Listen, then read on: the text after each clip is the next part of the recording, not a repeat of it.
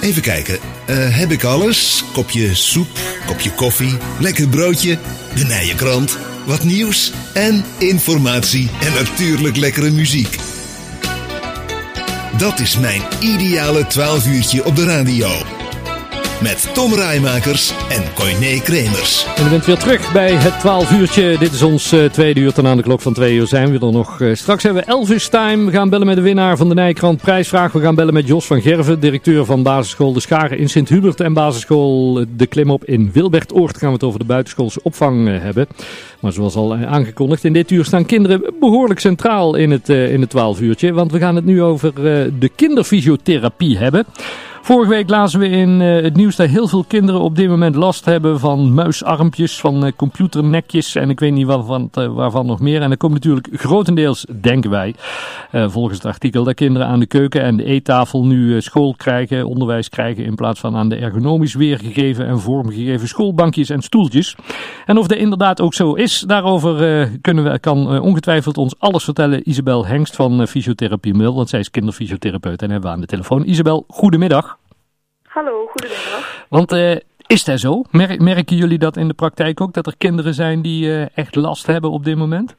Van zaken? Uh, ja, zeker. We zien over het algemeen wel dat er ehm, ja, meer kinderen zijn met nekklachten, rugklachten. En ja, ik weet niet of het wetenschappelijk is bewezen, maar ik denk zeker wel dat het een verband is met met inderdaad de tijd waarin we zitten vanwege corona. En dat um, kinderen toch thuis, wat jij net ook al even benoemde, hm. thuis anders zitten dan dat ze gewend zijn op school. Ja, ja, want, je, want ja, wat je altijd ziet, eh, ik heb het idee dat er een hele studie van gemaakt wordt. Hè, hoe schoolbankjes en, en tafeltjes en stoeltjes eruit moeten, moeten zien.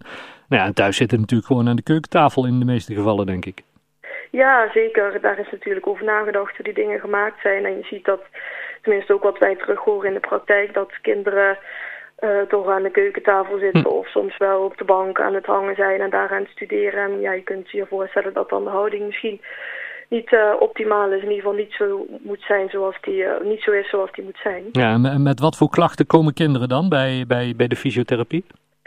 Um, ja, als je het echt over houdingsgerelateerde klachten hebt, dan heb je het wel inderdaad snel over rugpijn, nekpijn, eventueel hoofdpijnklachten, hè, wat ook uit van de spanning in, uh, in de nekspieren kan komen. Mhm. Ja, je ziet toch wel vaak dat dat gerelateerd is inderdaad aan, aan houding. Want in principe zou je verwachten dat kinderen eigenlijk als alles goed zou zijn, die klachten niet, niet zouden kunnen ervaren. Nee. Maar, maar ja, naast dat, dat, dat nu onderwijs, ook al voor corona, uh, ja, zie je heel vaak kinderen veel met het hoofd naar beneden. Want dan hebben ze de telefoon in de hand, hè, of, de, of, de, of de, de Gameboys of hoe heet dat tegenwoordig allemaal. Want daar, dat, dat, dat lijkt me ook niet handig.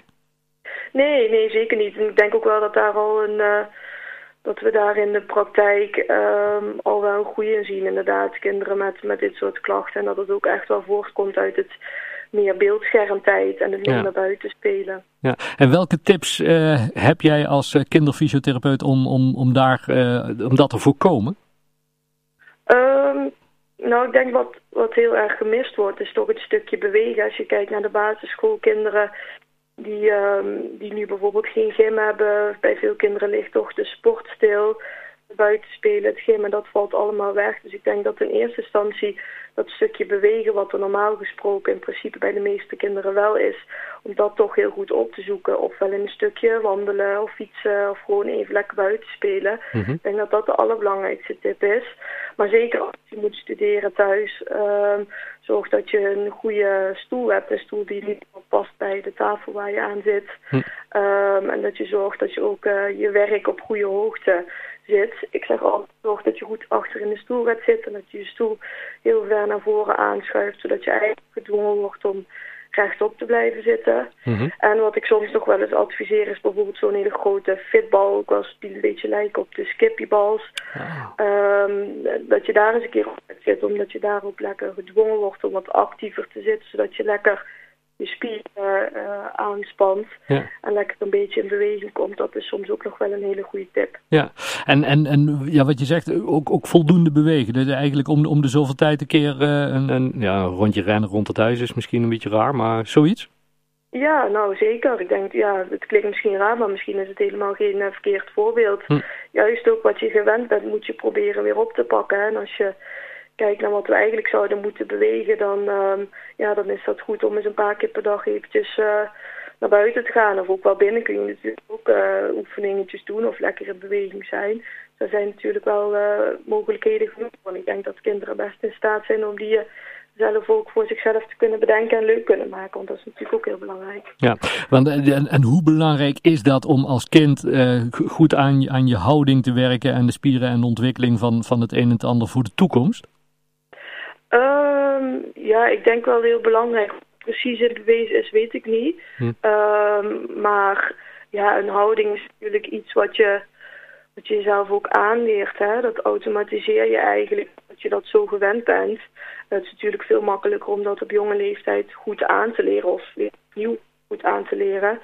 Uh, zodat je daar in je latere jaren ook profijt van hebt. Want natuurlijk zien we dat, uh, dat er volwassenen zijn die daar last van hebben. En dat dat ook echt wel uh, gerelateerde klachten kunnen zijn. Ja, dus uh, nou, de tip is in ieder geval zorg dat, dat, dat, dat je kinderen regelmatig bewegen in deze tijd. En ze eigenlijk veel te veel thuis stilzitten aan, aan de tafel en in de bank hangen. Ja, ja, ik denk dat dat het allerbelangrijkste is. En ik denk dat ook het stukje dat het allemaal anders is dan we gewend zijn nu vanwege alle maatregelen.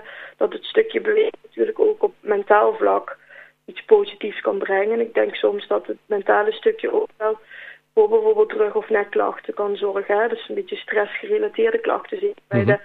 Uh, bij de echte, de, de, middelbare scholieren, de studenten die uh, ja, die hard moeten studeren en misschien er nu extra hard aan moeten trekken dat ze de contacturen op school missen. Dus ik denk dat, dat, dat je daarmee twee vliegen in één uh, vangt eigenlijk. Ja, en als kinderen echt last hebben, gewoon even afspraak maken bij kinderfysiotherapie. Dat mag natuurlijk altijd. Goed zo, hartstikke fijn. Isabel, fijn dat we even mochten, mochten bellen hierover en, en uh, ja, in ieder geval wat tips hebben gekregen. We hopen dat het maar snel allemaal een beetje gewoon is, dat de kinderen weer gewoon naar school kunnen. Hè? Ja, zeker. Hartstikke fijn. Graag gedaan. Hey, dankjewel. Groetjes. Ook. Joe, hoi hoi.